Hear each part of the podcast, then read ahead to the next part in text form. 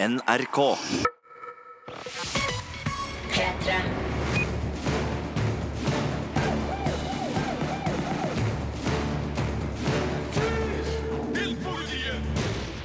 Det er klart for en rykende fersk podkast fra oss i Filmpolitiet. Og vi som er her i dag, er Marte Hedenstad. og Birger Vestmo. Marte, du har sett en ny serie. Yes, jeg har nemlig kosa meg med Counterpart, som hadde premiere på Viaplay denne uka her. Og det er en serie hvor JK Simmons spiller to roller. Og regissert av Morten Tyldum. Ja, Så det er veldig spennende. Du har også spilt et spill. Ja, Iconoclasts er et spill vi har venta på i ganske mange år. Det har vært under utvikling i åtte år, og det innfrir absolutt de forventningene. Vi har også sett de, de nye filmene. Vi får inn Fredrik Skaget Øyen, som har sett den siste Maze Runner-filmen, Dødskuren. Jeg har sett eh, tre filmer. Dokumentaren Per Fugelli, Siste resept, i regi av Erik Poppe. Jeg har sett All the Money in the World, i regi av Ridley Scott, der jo Christopher Plummer tok over Kevin Spaceys rolle i Siste liten. Og så har jeg sett en skikkelig romantisk film som heter Call Me By Your Name. I tillegg til det her så skal vi snakke om uh, ukas eh, Oscar-nominasjoner. Ja, vi må jo ta en liten prat om hva vi syns om hvem som er nominert, selv om vi ikke har sett alle filmene, da. Men før vi kommer så langt, så skal vi ta en titt på ukas kinopremiere. Call Me By Your Name er først ut. Filmpolitiet anmelder film. I can show you around. That'd be great. Thank you. So, what do you do around here? Read books, transcribe music, swim at the river, go out at night. Sounds fun. All right, later.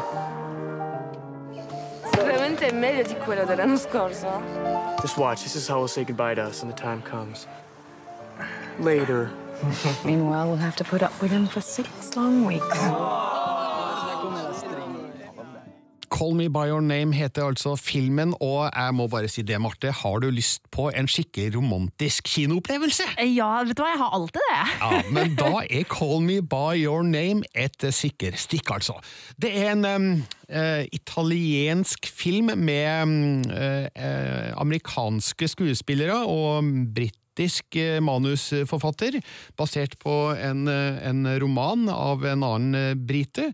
Og her handler det da om en, en gryende kjærlighetshistorie fra eh, Nord-Italia anno 1983.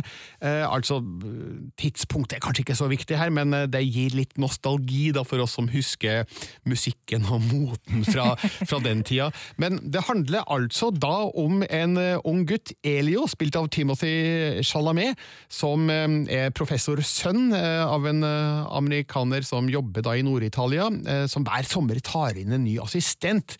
Og eh, denne sommerens eh, assistent, altså 1983-sommerens eh, assistent, er Oliver, spilt av Army Hammer.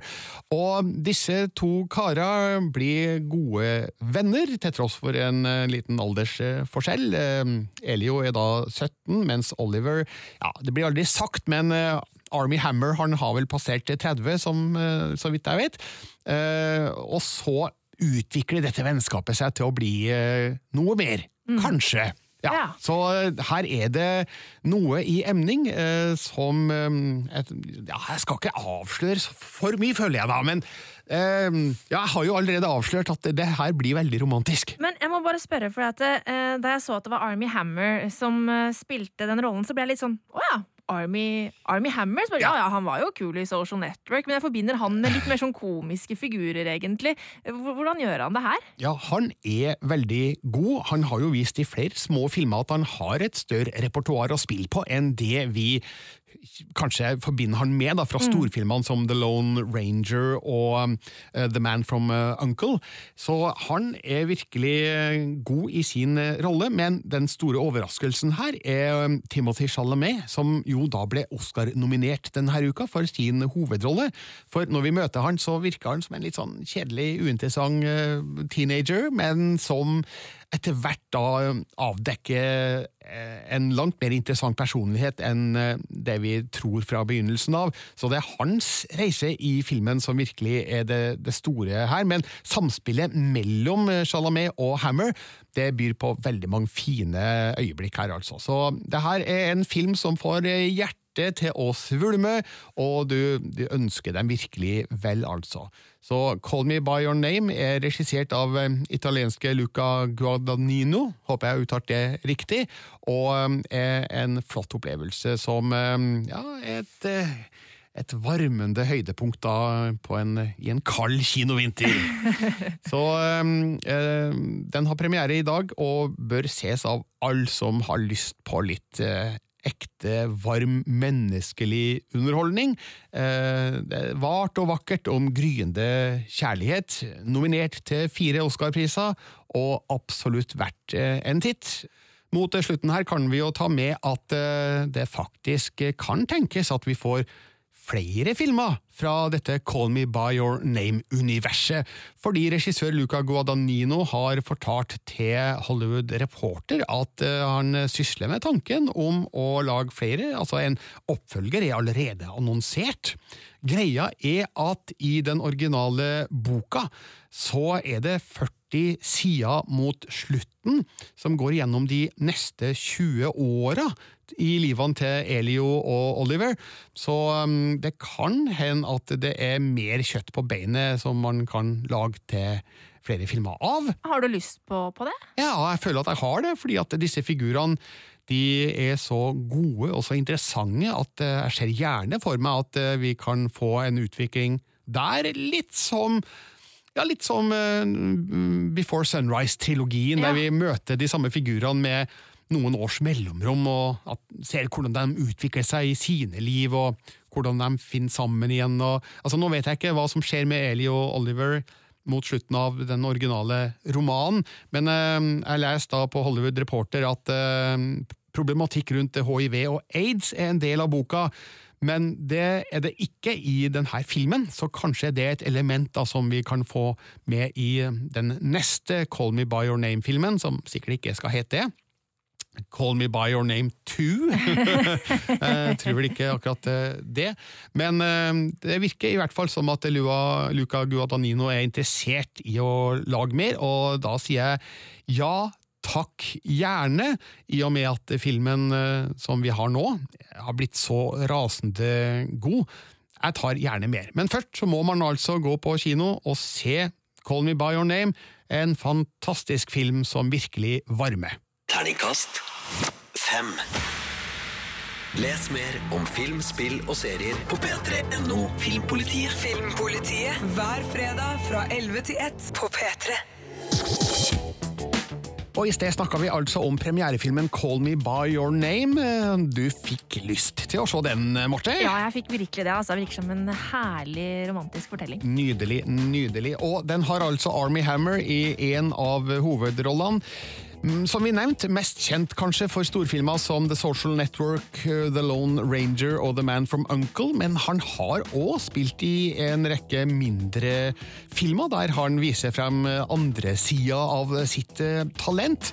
Jeg møtte han på filmfestivalen i Berlin i fjor, altså for snart et år siden. Da var han der med mm, filmen Final Portrait, som Stanley Tucci hadde regien på, men han hadde på det tidspunktet allerede spilt inn Call Me By Name, som altså Luca Guadagnino har eh, regien på. Eh, Og da jeg møtte Army Hammer i Berlin sammen med en del andre reportere, så snakka han om eh, forskjellen mellom å spille i små og store filmer. I've made some big films, but I've been fortunate enough to make films with great directors who, if it needs to happen, will make time to do whatever needs to happen. Uh, different directors have very different approaches. Some directors don't want to talk to you about that. They've hired you to do your job. You are the actor, so show up and do your job. I don't want to worry about you. I've hired you so that I am going to sleep at night knowing that at least that part's taken care of. Now I only have to worry about this other 10,000 different things. And then there are other directors who want you to come out a month early and sit and talk with them in their living room for hours and hours and hours a day about it. So it really depends. It really depends on the director. The broad audience know you from the big movies. but this is a smaller one. Uh, is it a deliberate, conscious decision to do a bit of both? It's, I mean, I, you know, I'm careful to say like, you know, that I have any sort of grand design with anything because I have no delusions of grandeur. Like, I don't think that I can really plan out anything. I just kind of do the best I can with whatever that's given to me.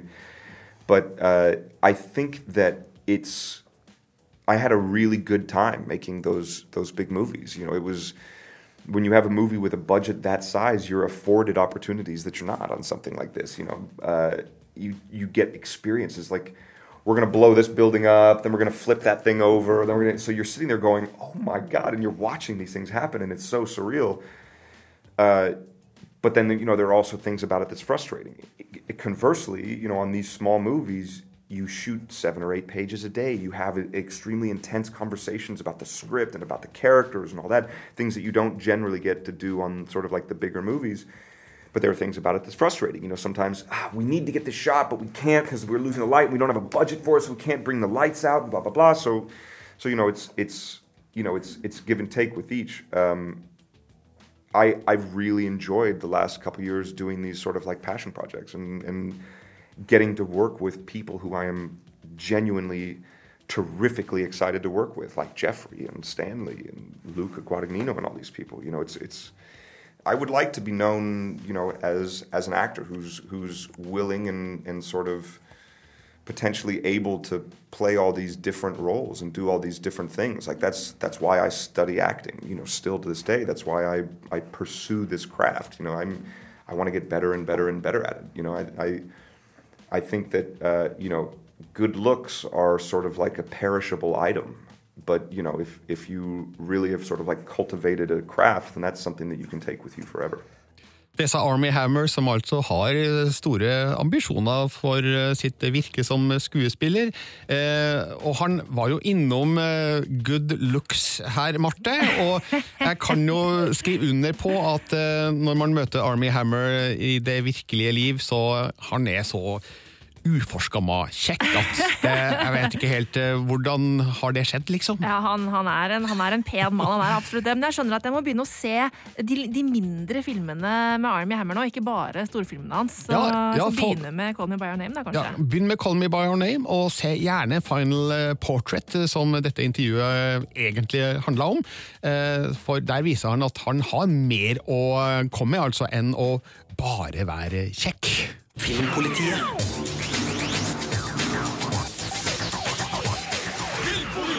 Dette er Filmpolitiet på P3. P3. På tirsdag ble Oscar-nominasjonene offentliggjort i Los Angeles, og det er jo alltid den tida på året der sånne som oss synser og mener om hvem som fortjente, og hvem som hadde fortjent, og hvem som ble snurt og lurt. Og Marte, eh, er vi, er vi sinte i år? Hvor er Wonder Woman? Hvor? Nei da, jeg skal ikke påstå at Nei, den burde ha fått, nei, kanskje. men du, seriøst, den, eh, den filmen eh, fikk jo faktisk ingen Nei, nominasjoner. ikke Ikke engang i de tekniske kategoriene. Man kunne kanskje forvente at han hadde fått noen visuelle effekter, ikke sant? Eh, Et eller annet der. Om ikke annet, så Mm. kanskje kan vi kalle det en av årets Oscar-snøbber. Men skal vi se litt nærmere på hvilke som ble nominert da i beste filmkategorien? Har du oversikten? Ja, skal vi se. Call Me By Your Name, som vi jo nettopp har snakket om. Eh, Darkest Hour. Dunkirk, Get Out, Ladybird, Phantom Thread, The Post, The Shape of Water og Three Billboards Outside Ebbing, Missouri. Et sterkt felt, men litt vanskelig for oss å synse for mye her, fordi vi har jo ikke sett alle filmene. Nei, altså mellom oss så har vi vel sett er det fire eller fem filmer, eh, så halvparten, da. Ja, for verken altså, The Shape of Water har ikke hatt premiere, det har heller ikke Phantom Tread eller Lady Bird eller The Post, så da blir det vanskelig å være veldig kategorisk eh, her på eh, hvem som fortjener og ikke fortjener. Men det er klart, The Shape of Water rykker jo opp som en storfavoritt nå, fordi den fikk hele 13 Oscar-nominasjoner, og det er nesten rekord. Det er vel 14 som er rekorden, som eh, blant annet eh, Titanic mm. har. Eh, Så det er ting som tyder på at Oscar-akademiet i hvert fall elsker Guillermo del Toros eh, nye film, som eh, har premiere i februar da i Norge. Jeg er veldig spent på den, altså. Eh, Jeg har eh, også bitt meg merke i at eh, ikke alle amerikanske kommentatorer eh, syns at Darkest Hour fortjener en plass her. De, det er flere som har tatt til orde for at eh, den lille filmen The Florida Project hadde fortjent eh, plassen i stedet for. Eh, Den har ikke jeg sett, men jeg har sett Darkest Hour, og jeg tenker jo at det er jo ikke helt eh, uforklarlig at den er med. Det- Altså, det er en god film, eh, men det er kanskje en litt mer sånn tradd A4-historisk eh, film, da. Ja, men jeg, sånn, Jeg har liksom inntrykk av at Oscar-akademiet er veldig fan av historisk drama som er basert på virkelige hendelser. Du vet, det, gamle hvite menn eh, utgjør mesteparten av Oscar-akademiet, så det er mm, kanskje derfor. Men en, eh, en eh, bankers eh, når det gjelder Dunkirk, nei, unnskyld, Darkest Hour, er jo Gary Oldman, som er nominert eh, for sin eh, hovedrolle, og er tippa som den store vinneren her. Han gjør jo en fantastisk eh, rolle. Eh, En litt overraskende film på denne lista er Get Out. Jordan Peels horrorkomedie, vi må vel kunne si det. Ja, Den var i hvert fall i komisjangeren på Golden Globe. Ja. For det første så er det en sjanger som Oscar-akademiet vanligvis overser. Eh, For det andre hadde en premiere tidlig i fjor, eh, hvilket er helt feil tidspunkt for en film som ønsker en Oscar-nominasjon. Men eh, det er tegn da som tyder på at også Oscar-akademiet har vilje til å se litt videre da på filmspekteret og inkludere filmer som kanskje ikke ville ha vært vurdert engang da, for fem-ti år siden. Ja. Eh, The Post eh, er med på den lista her, til tross for at den bare har én annen nominasjon, nemlig Meryl Streep i beste kvinnelige skuespiller. Mange er overraska over at eh, Steven Spielberg ikke er nominert for beste regi, som jo han ofte blir. Ja, eh, Han var jo det på Golden Globe, eh, men på beste regi så har vi jo da Christopher Nolan for Dunkirk, eh, Jordan Peele for Get Out, Greta Gerwig for Lady Bird, Paul Thomas Anderson for Phantom Thread og Guillermo del Toro for The Shape of Water. Veldig hyggelig at Greta Gerwig er nominert for Lady Bird, som vi ikke har sett Men enda, gleder oss veldig til! har hørt mye godt om, eh, om, om den, men uh, må vel si at favoritten i regisjangeren uh, det er Guillermo del Toro for uh, The Shape of Water. Som vi heller ikke har sett! Herregud! Kan ikke disse Oscar-filmene komme til Norge snart, da? Eh, vi nevnte eh, Meryl Streep eh, sin nominasjon, men i den kategorien, altså beste kvinnelige hovedrolle, så er vel Frances McDormand den store favoritten for sin rolle i Three Billboards Outside Ebbing, Missouri, som du har sett, Marte. Ja, og hun er jo det beste med den filmen. Hun spiller knallbra, som alltid. Hun er jo en utrolig god skuespiller, og hun fikk jo også Golden Globe for sin prestasjon, så hun er virkelig høyt opp på, på bettinglista. I tillegg til Streep og McDormand, hvem andre er nominert eh, i den kategorien, Marte? Ja, da har vi Sally Hawkins for The Shape of Water, Margot Robbie for I, Tonya og Saoirse Ronan for Lady Bird. Det er et sterkt eh, felt på papiret, sjøl om vi ikke har sett alle disse filmene, så det blir spennende å se da hvem som eh, går av med seieren. Men eh, altså, vi, vi tror altså det er Frances McDormand. Ja. Eh, på Karan sin side så har vi allerede vært innom Gary Oldmans eh, prestasjon som statsminister Winston Churchill i Darkest Hour, som er helt fenomenal. Eh, delvis takka være den utrolige maskeringa av Gary Oldman. Han er jo knapt til å kjenne igjen, og Ja. den japanske maskøren eh, ble jo også Oscar-nominert her. Men hvem andre er nominert? Der har vi Timothy Chalamet, sa jeg det riktig? Ja. For Call Me By Your Name. Uh, Daniel Day-Lewis for Phantom Thread. Uh, Daniel Kaluuya for Get Out. Gary Oldman, Darkest Hour. Denzel Washington for Roman J. Israel Esk... Eller hvordan man sier det? Roman J. Israel Esquire. Esquire. Esquire. Gary Oldman vinner Oscaren, men det er veldig hyggelig at eh, unge Timothy Chalamet er nominert for Call Me By Your Name, der han gjør en helt super innsats eh, som Elio. Eh, som jeg var inne på i anmeldelsen av filmen, så starter figuren litt sånn traust og kjedelig og uinteressant, men har en skikkelig rivende utvikling utover i filmen, og Chalamet takler de emosjon emosjonelle utfordringene på en forbilledlig måte. Eh, At Daniel Day-Lewis er nominert, eh, det er vi jo for så vidt ikke sjokkert over, men eh, Blir ikke han nominert hver gang han gjør en rolle? Omtrent, men eh, Phantom eh, Thread eh, i regi av Paul Thomas Anderson har vært litt eh, borte fra Oscar-fokuset i forkant av nominasjonene, så var flere som var litt overraska over at eh, den stilte såpass sterkt med flere nominasjoner.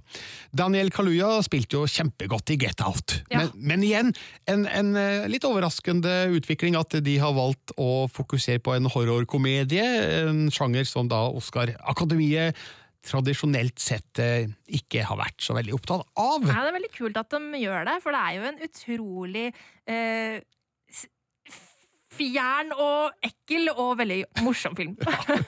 Um, Denzel Washington eh, har jo også god erfaring med å være Oscar-nominert, men jeg har hørt da at eh, Roman J. Israel Esquire, som filmen heter, ikke er spesielt god, og heller ikke Denzel Washington. Å nei. Men vel, vi har ikke sett den, så nei. kanskje får vi et helt annet inntrykk når den eh, kommer på norsk kino. Hvis den kommer på norsk kino, det har jeg ikke fått sjekka, så det gjenstår å se. Men uansett, Gary Oldman vinner den eh, fighten. Det er han som får Oscar, det er jeg helt sikker på. Uh, animated feature film, det er jo en spennende kategori, for altså, det er jo animerte filmer folk går i hopetall for å se på kino i Norge. Ja, og der har det jo vært litt kontrovers etter at nominasjonene kom ut, fordi The Boss Baby er med på lista der, og det har visst folk blitt litt uh, irriterte på. Jeg har ikke Ja. sett filmen ennå. ikke jeg heller, men jeg har jo skjønt da at uh, The Boss Baby ikke er en film som kanskje fortjener å benevnes i Oscar-sammenheng. Vet ikke om det er litt under Oscars verdighet å ha en, en slik eh, crowd pleaser-film på lista. Men ja, vi får se, da. Resten av de nominerte det er The Breadwinner, eh, Coco, Ferdinand og Loving Vincent. Og Coco har jo kinopremiere her til lands neste uke. Og det er jo den nye uh, Pixar-filmen, Ja. og av alle regna som den helt klare vinneren. Cinematography, altså filming, der er det fem vakre filmer nominert. Det er Roger A. Deakins for Blade Runner 2049, Bruno Delbonel for Darkest Hour, Hoite van Hoitema for Dunkirk, Rachel Morrison for Mudbound og Don Lauston for The Shape of Water. Og her er det jo morsomt at Rachel Morrison er nominert som første kvinnelige fotograf gjennom tidene. Å ja, såpass, ja. Ja, så det er jo et poeng å ta med seg, sjøl om jeg, Altså Blade Runner 2049. ja, altså jeg, jeg er jo snurt selvfølgelig for at Blade Runner 2049 ikke er nominert eh, i langt flere kategorier. Altså Den fikk med seg nominasjoner for produksjonsdesign, eh, lydklipp, lydmiks og visuelle effekter, i tillegg til beste foto. Men jeg tenker jo at den burde jo også ha for beste film, og Harrison Ford for beste mannlige birolle, for eksempel. Hadde ikke vært meg imot i det hele tatt. Så vel, men eh, sånn ble det ikke. Jeg vet, vet jo ikke helt hvem vi kan eh, satse på som favoritt her, i og med at jeg ikke har sett eh, Mudbound og The Shape of Water, men eh, Blade Runner 20, 2049 er jo eksepsjonelt vakkert filma av Roger A. Deakins. Morsomt også med Hoite van Hoitema sitt foto for Dunkirk, at den er nominert. Eh, eh, Van Hoitema debuterte jo med den norske filmen Svidd neger oh, ja! for veldig mange år siden. ja! Det er en kul film. Jeg husker ikke om det var hans debut, men det er i hvert fall en film tidlig i hans karriere. Og så har jo han hatt litt av en utvikling som fotograf eh, etter det. Og Dunkirk er jo en eh, nydelig krigsfilm, hvis det går an å si det. Um, litt irriterende å se den eh, hjemme på Blu-ray fordi den veksler mellom ulike formater. Det er en greie som Christopher Nolan har gjort i andre filmer, som eh, The Dark Knight-filmene, og det syns jeg ikke noe om, men eh, vel Det har ikke jeg lagt merke til. Nei, det har du kanskje ikke gjort, men hvis, hvis, hvis du så den på kino i Norge, så ble den vel vist i ett format der. Ja, men jeg har jo sett den på Blu-ray eh, seinere. Det, skal jeg- det skal jeg ta også sjekke ut og se, se en gang til. Tenk over det neste Ja. gang. Og så er det jo morsomt med Dan Lauston, som har eh, blitt nominert for eh, The Shape of Water. Han er jo dansk, og har også fotografert eh, noen norske filmer, som Jeg er Dina og Løvekvinnen. Så det blir spennende å se da hva han har gjort når The Shape of Water kommer. I kategorien beste klipp så er det da nominasjoner til Baby Driver, Dunkerque, I, Tonya, The Shape of Water og Three Billboards Outside Ebbing, Missouri. Og rent impulsivt så tenker jeg med en gang på Baby Driver. Ja. Har, Har du sett den, Marte? Ja, det er en utrolig kul film. Og den, den er enig, den er klippa på en eh, fascinerende måte. Den er ganske sånn kjapp og interessant med tanke på også musikken. Ja, for det er veldig stort fokus på musikkbruk her, mm. der bildene er klippa i takt og rytme med de tonene som til enhver tid eh, høres. Så det er gjort med finesse der, altså. Absolutt. Og jeg vet ikke om det nødvendigvis da er bedre klipping der enn i de andre filmene. Det er det Oscar-akademiets medlemmer som skal avgjøre, men eh, jeg ser på Baby Driver som en aktuell eh, vinnerkandidat eh, her. Beste utenlandske film, der hadde vi jo et håp om at Joakim Joachim Triers Thelma ble nominert, men den eh, kom dessverre ikke med på kortlista som ble sluppet før jul. Og litt skuffende, for jeg mener jo Thelma absolutt er god nok til å ja, ha vært en verdig kandidat her.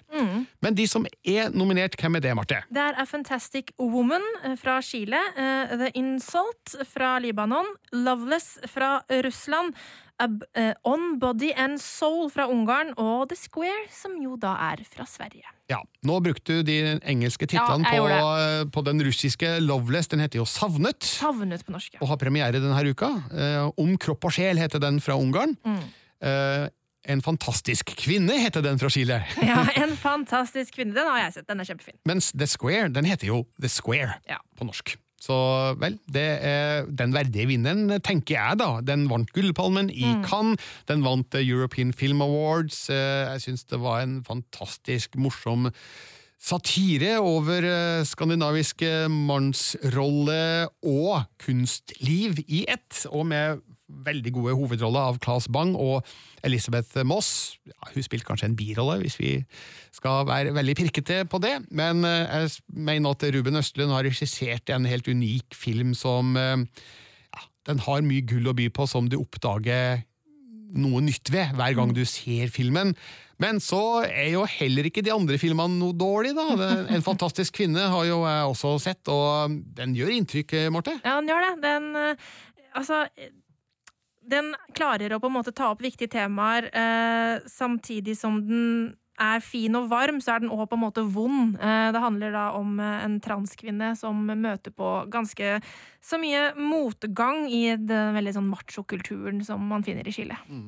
Den russiske filmen Savnet eh, er jo da eh, anmeldt av eh, Fredrik Skaget Øyen på våre nettsider. Han ga det en ternekast fem, og jeg er helt med på det. Jeg så den på Cannes-festivalen i fjor, og det er en, det er en vond film, det. Den er mørk og trist og sørgelig. Det handler om et eh, ekspar som er i en opprivende skilsmisseprosess, og deres tolv år gamle sønn er fullstendig neglisjert og tilsidesatt, og ja, han er vel strengt tatt egentlig ikke så ønska av verken mor eller far. Noe gutten eh, Er klar over er sjøl. klar over sjøl. En helt grusom scene der vi ser han overhøre en eh, knusende oh, samtale oh, mellom far og mor, og så forsvinner han. Og så blir det en leteaksjon, eh, uten at jeg skal si noe mer om hva som videre skjer. Men det er mørkt, og det er trist, og det er jo eh, et bitende angrep på det russiske samfunnets kulde, hvis man kan si det.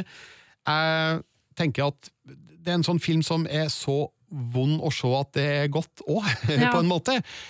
Jeg tenker jo at det er en film jeg ikke kommer til å sette på med det aller første igjen. Det var nok å se den den ene gangen, er men litt sånn utmattende. ja, den, den gjør veldig stort inntrykk, altså. Så det er absolutt en verdig Oscar-kandidat. Om kropp og sjel, den ungarske filmen, den er jo vanvittig nydelig. Og en kjærlighetshistorie helt ut på sidelinja, med en gammel kar og en ung dame på et slakteri i Ungarn.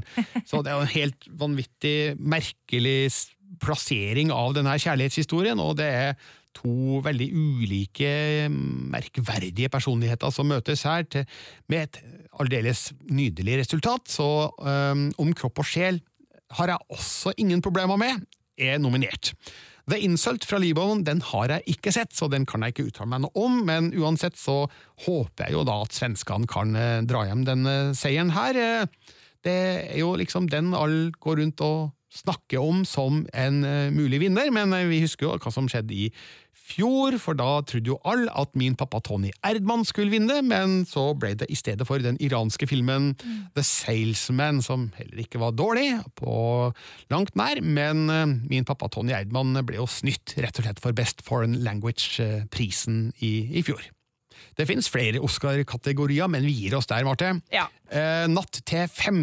mars, da skal prisene deles ut i Los Angeles, og det skal vi følge i Filmpolitiet. Ja, Vi må selvfølgelig følge med på det. Vi skal jo sitte og og dekke dette da gjennom natten, sånn at eh, du som står opp tidlig om morgenen kan få full oppdatering på hva som har skjedd.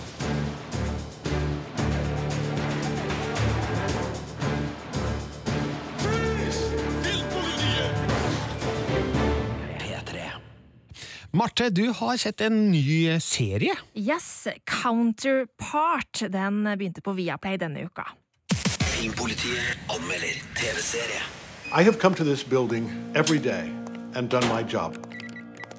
Three decades I've given to this office. But honestly, sometimes it scares me. I don't know what we do here. Have I done something wrong? Someone's walked in from the other side. The other side, I. Whatever you do, don't panic. Serien heter altså Oi! Jeg var litt tidlig ute der, beklager. Hello, Howard, var det han sa. Eh, serien heter altså Counterpart, og en nordmann er involvert, Marte. Ja, Morten Tyldum han har regi på den første episoden som vi hørte lydklipp eh, fra her. Og han er også executive producer eh, på serien. Um, og det her er da en spionthriller. Um, historiemessig en ganske sånn klassisk spionthriller, egentlig. Men så er det også en science fiction-fortelling. Eh, for um, det her er da setupet, da. For 30 år siden, under den kalde krigen, så eh, var det et eksperiment som gikk feil. Og da delte vår tidslinje seg i to. Og det ble åpnet en portal mellom disse to parallelle universene. Å, hater når sånt skjer. ja, det er litt sånn kjedelig det der, altså. Uh, og så har vi da Howard, spilt av JK Simmons, som jobber i et byrå som da um ja, organiserer eh, og hemmelighetsholder da dette andre universet, da, og liksom organiserer kontakten med det universet. Eh, og bedriver da også selvfølgelig spionvirksomhet eh, på det andre universet. Eh, Howard han jobber der, men han vet ingenting av hva han driver med. Han er bare en sånn vanlig sånn eh, paper shuffler, liksom. Sitter på kontoret og, og, og styrer. Um, og så da en dag så får han seg en overraskelse når han blir eh, dratt inn på et spesielt møterom på jobben. Og så kommer det en annen person inn på dette møterommet, og det er han sjøl. Oh, oh, nemlig Howard fra uh, det andre universet. Morten Tyldum er drivende dyktig regissør. JK Simmons er en fantastisk skuespiller. Mm. Yes. Klaffer det her i den første episoden? Ja, det gjør det absolutt. Eh, Morten Tyldum klarer å etablere disse to universene på en veldig god måte, og etablere historien ganske effektivt i den første episoden. Og JK Simmons er en strålende skuespiller som er knallgod, spesielt når han spiller mot seg sjøl.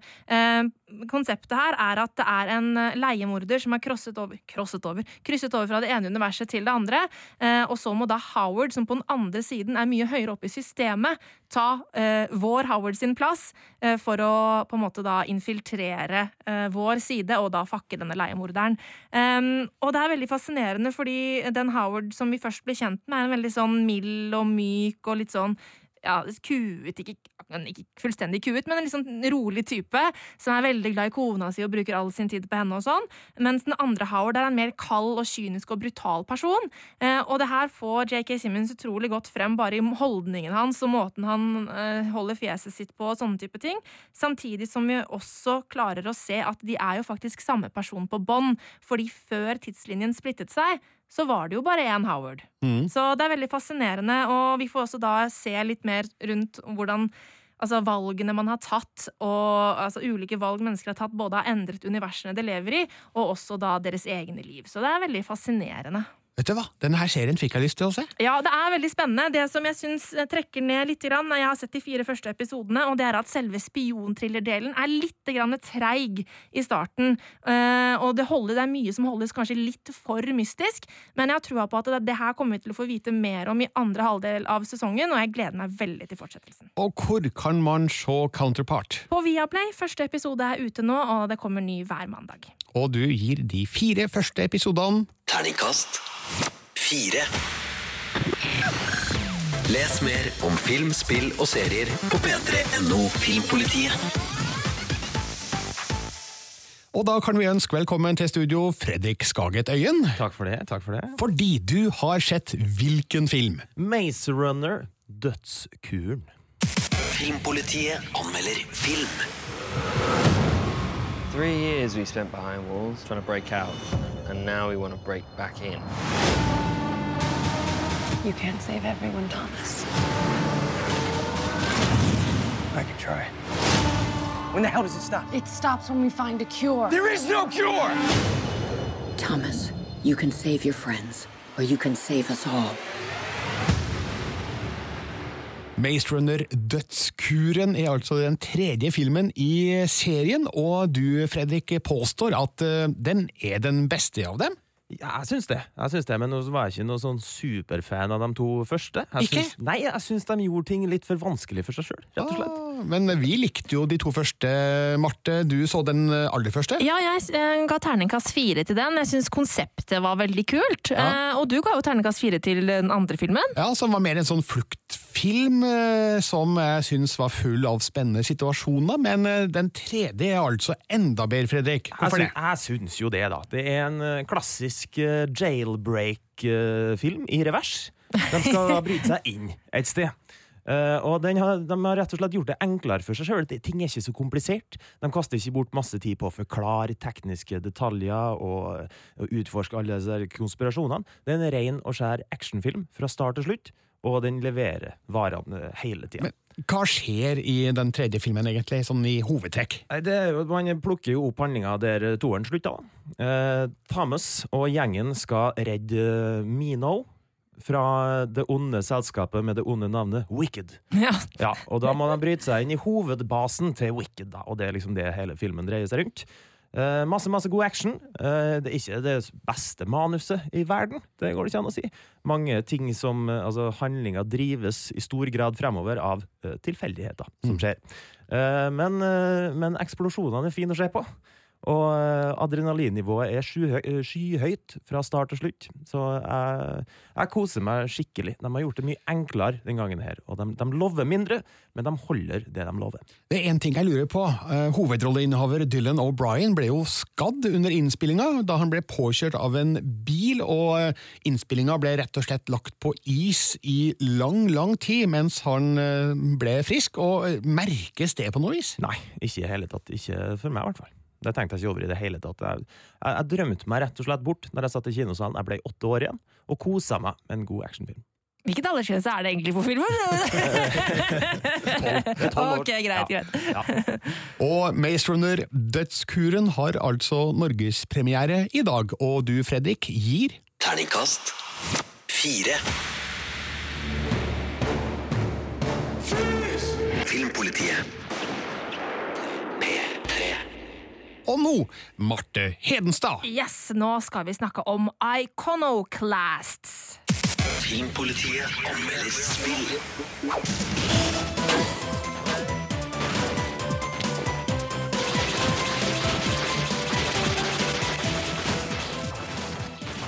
Litt gameplay der fra Iconoclasts. Eh, Høres ut som at det går for seg her, Marte. Ja, det gjør det. Det her er da et eh, 2D action-eventyr. Eh, og bare for å ta eh, bare navnet på spillet med en gang. Iconoclasts. Eh, jeg har hatt litt problemer med å uttale det, eh, men det er eh, en eh, betydning bak dette ordet. Det betyr nemlig eh, en person som eh, kritiserer eh, altså tro, trosretninger eller sånn, og eller ødelegger på en måte images of religious uh, value. Ja.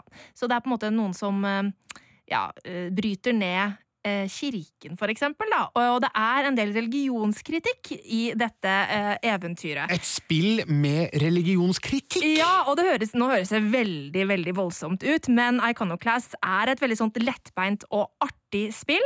Um, altså, det er jo i den stilen som um, Metroid og Castlevania, eller det som blir kalt for Metroidvania-sjangeren, uh, utseendemessig, uh, også uh, på gameplay-fronten. og du spiller da en jente, en tenåringsjente, som heter Robin. hun er datteren til en mekaniker som er død, og hun har da tatt opp da skiftnøkkelen til faren sin. men det som er et problem med det, er at hun er ikke en autorisert mekaniker. Og det er et stort problem i dette universet, fordi i Iconoclast så er det et sånt styresett hvor da på en måte kirke og stat er ett. One concern heter det. De styrer med jernhånd, og leder da disse religiøse lederne er de som kontrollerer teknologien i dette universet. Nemlig. Mm. Ja, Det hørtes ut som et sprekt, sprekt utgangspunkt, men Ja. hvordan manifesterer det her seg i, i gameplayet? Det er en ganske morsom historie, for det er et sånn klassisk eh, plattformspill. Ikke sant? Du, du går rundt, og du må eh, løse hindringer som befinner seg i omgivelsene, altså små puslespill, på en måte. Eh, åpne opp ting med dette, denne ikke skrutrekker, men skiftnøkkel. Ja. eh, og det er ganske mm, variert og artig, og også utfordrende til tider. Um, og så får du da møte på folk som du har dialog med, og sånn, og det er ganske interessant um, hvordan de har klart uh, å skape litt sånn dybde i både historien og rollefigurene, eh, uten at du på en måte mister eh, dette eventyrpreget og dette artigheten over det hele. Og det er ganske sånn vittig, selv om temaet til tider er ganske dystert, så er det veldig morsomme rollefigurer som du blir glad i, um, ja, og som er, uh, har litt sånn der skarp liten snert, da. Mm. Um, og det som er kult med det spillet her, er at det er en svenske som heter Joakim Sandberg, som har laga det. Han har brukt åtte år på å få ferdig Iconoclass, og du merker veldig at her er et spill som er lagd med kjærlighet. Det er veldig gjennomarbeida, og det er noen småting som gjør at det trekker litt ned. Du må på en måte det er en del sånn backtracking i spillet, at du må gå gjennom samme deler av spillet på nytt, og sånn, som jeg syns kanskje blir litt eh, dårlig design. Men alt i alt så er dette her en utrolig fin spillopplevelse som virkelig eh, du kan kose deg med. Hva spiller du Iconoclast Unnskyld, nå sa jeg det feil! Ja, jeg vet det! Hva spiller du Iconoclasts på? Yes, Iconoclast det får du på PC, PlayStation 4 og faktisk PS Vita. Terningkast fem. Les mer om film, spill og serier på p3.no Filmpolitiet. Jeg heter Birger, og Jeg heter Marte. gjør visst det. Ja, jeg gjør det. skjønner Vi har kikka litt på eh, nyhetsbildet fra film- og serieverdenen, og vi må starte med Meryl Streep, som eh, denne uka ble nominert til en Oscar for sin rolle i Steven Spielberg-filmen The Post. Men eh, det er ikke det vi skal snakke om nå. Nei, fordi Meryl Streep skal bli med i sesong to av Big Little Lies. Ja, endelig noen med kvalitet inn Ja. i den serien. Ja, det er litt lite kvalitet på skuespillerfronten i den serien, altså. Ja, eh, det var kødd hvis noen Ja. var i tvil. Eh, hun skal da spille mora til en av figurene fra sesong én. Ja, hun skal spille moren til Alexander Skarsgård sin rollefigur, Perry Wright. Og for de som har sett sesong én, så, så kan vi jo si at det blir interessant å se hvordan moren er, da. Ja, nemlig. Fordi eh, Alexander Skarsgårds figur Perry Wright eh, viser seg å være en eh, mangesidig figur. Absolutt. Og hvordan han blitt slik? Vel, det kan ha noe med mora å gjøre, vi vet ikke. Nei.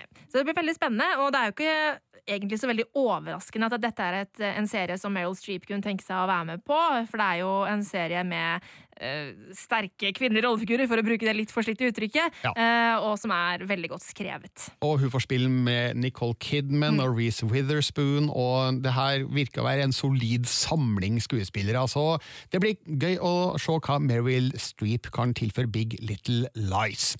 Så over til Damien Chazelle, kjent for, ja, mest kjent for La La Land, men også Whiplash, og en eh, veldig spennende spillefilmregissør. spillefilmregissør, som som nå skal over til TV-skjermen, Marte. Ja, for det er nemlig sånn at Apple de driver og slår seg opp eh, som strømmegigant. Ikke bare når det gjelder å kjøpe filmer og TV-serier som andre har produsert, men gjennom eh, Apple Music, som er en abonnementtjeneste de har, så skal de da begynne å eh, legge ut egenproduserte TV-serier. Per nå så har de Carpool Karaoke, som er ganske morsomt, som de har der. Um, men nå skal altså da Damien Chazelle lage en serie for dem, men vi vet ikke hva det er ennå.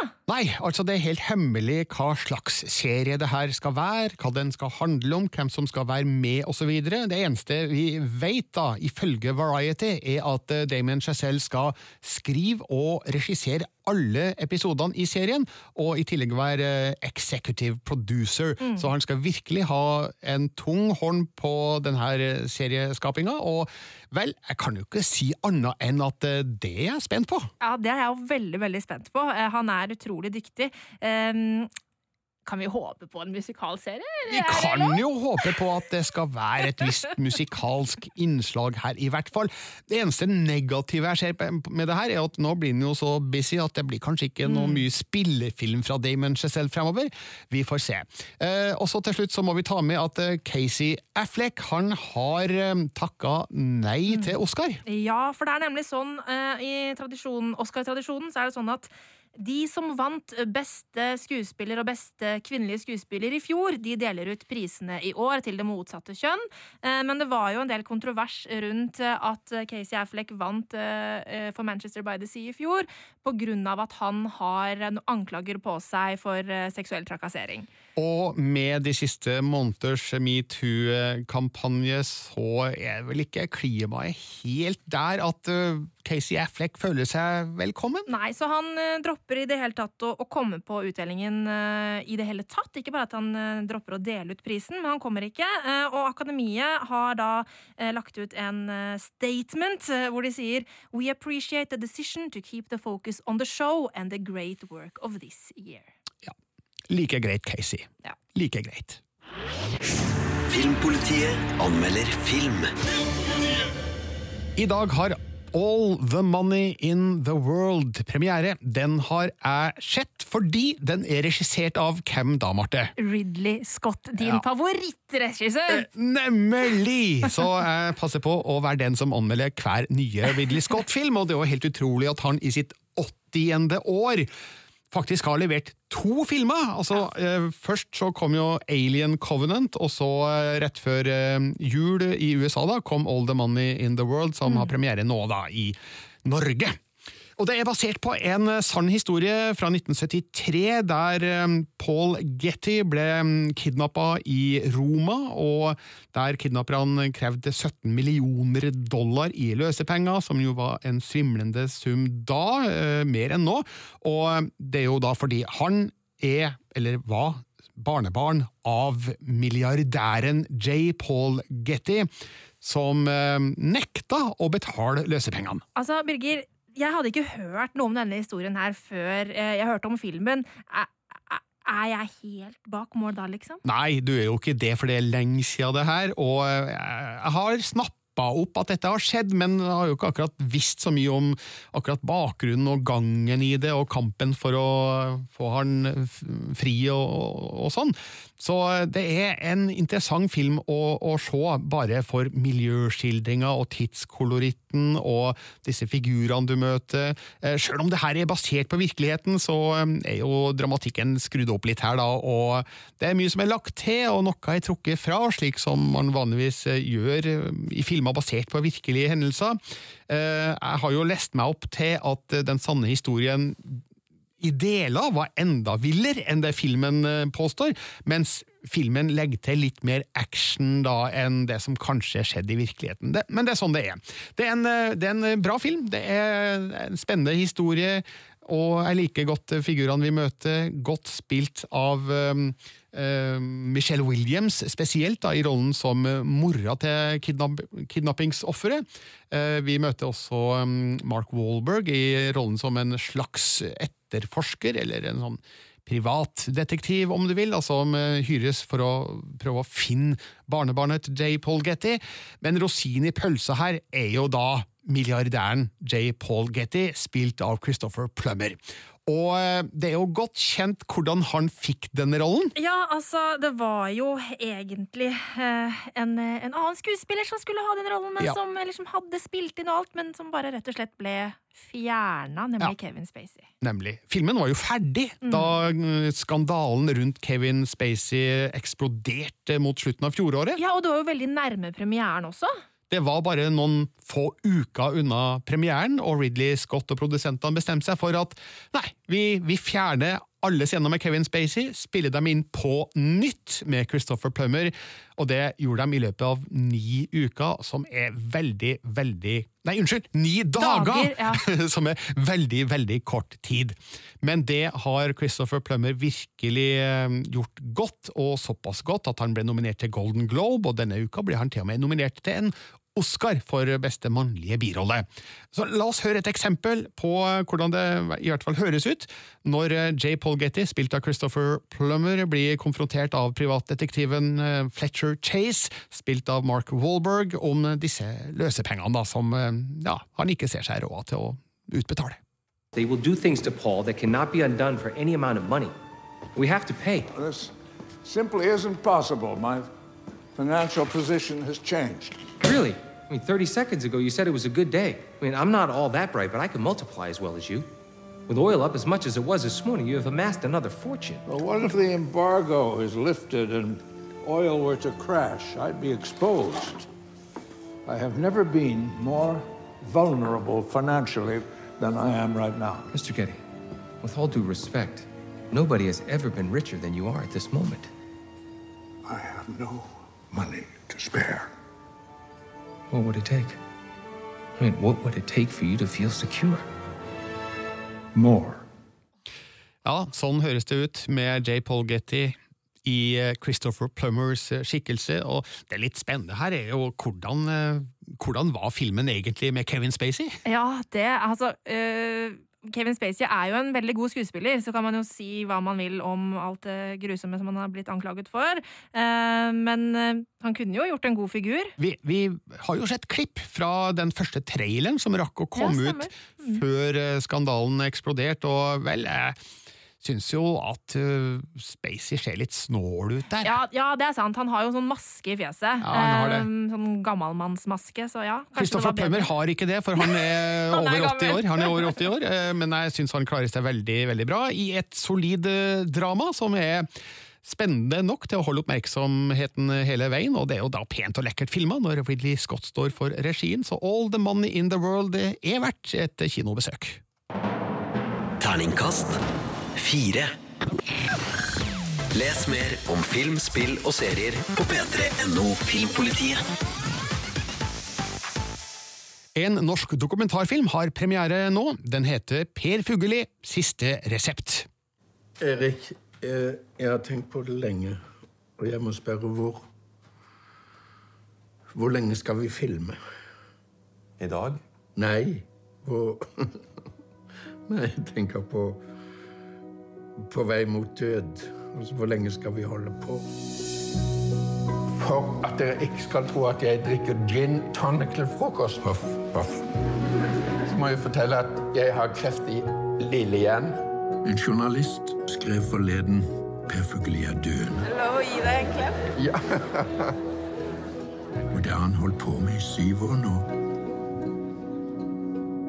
Å dø er den sanne personlighetstest. Men du har dere videokamera her.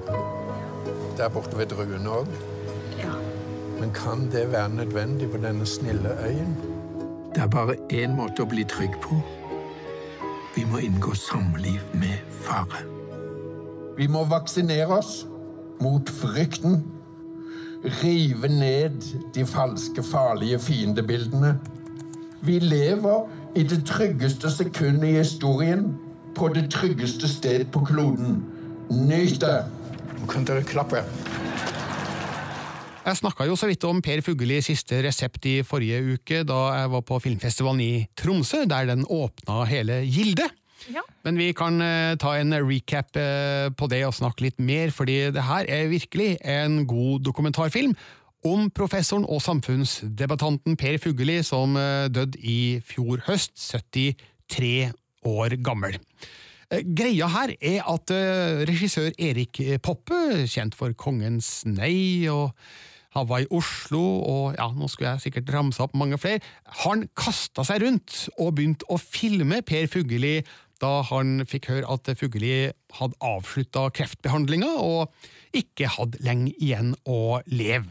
Så denne filmen skildrer Fugellis siste leveår og hans kamp mot kreften, og vi får ta del i hans funderinger rundt øh, døden. og eh, hans forklaringer på hvorfor han har valgt å avslutte kreftbehandling og dø på egne premisser. Det har blitt en bevegende film fordi Per Fugelli han var en, etter alle solemerker, en veldig hyggelig mann.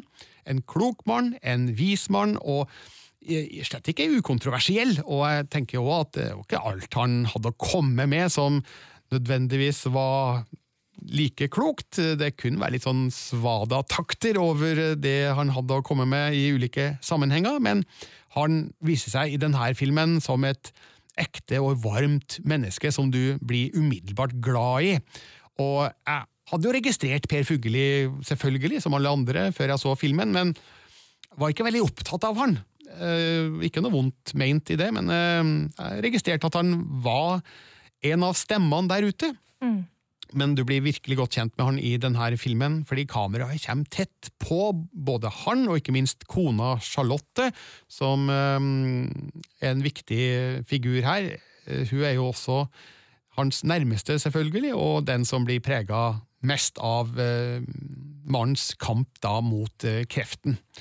Her får vi bli med hjem til dem i Oslo, vi får være med til sommerhuset på Røst i Nordland og på familiestedet på Orre, som ligger på Jæren, og det er nydelig filma, det er var og vakker musikk, og det er bra klippa, og alt i alt eh, et godt bilde av hvordan eh, Per Fugellis siste år var, og vi opplever hvordan han eh, omgås med både studenter på Universitetet i Oslo og naboer til familiestedet og sommerhuset og tilfeldige folk i butikken, og eh, rett og slett et varmt og godt menneske som er imøtekommende og som alltid har en kommentar på, på lager, ikke sant? Så eh, det at vi vet at han til slutt døde, gjør det jo ekstra sterkt å se han i, i denne filmen. Det som jeg kanskje savner, er mer Erik Poppe, faktisk. Ja, på hvilken måte da? Fordi han, han, han holder seg stort sett bak kamera Ja. og usynlig, men innimellom så deltar han i filmen og, og stiller spørsmål til Per Fugelli.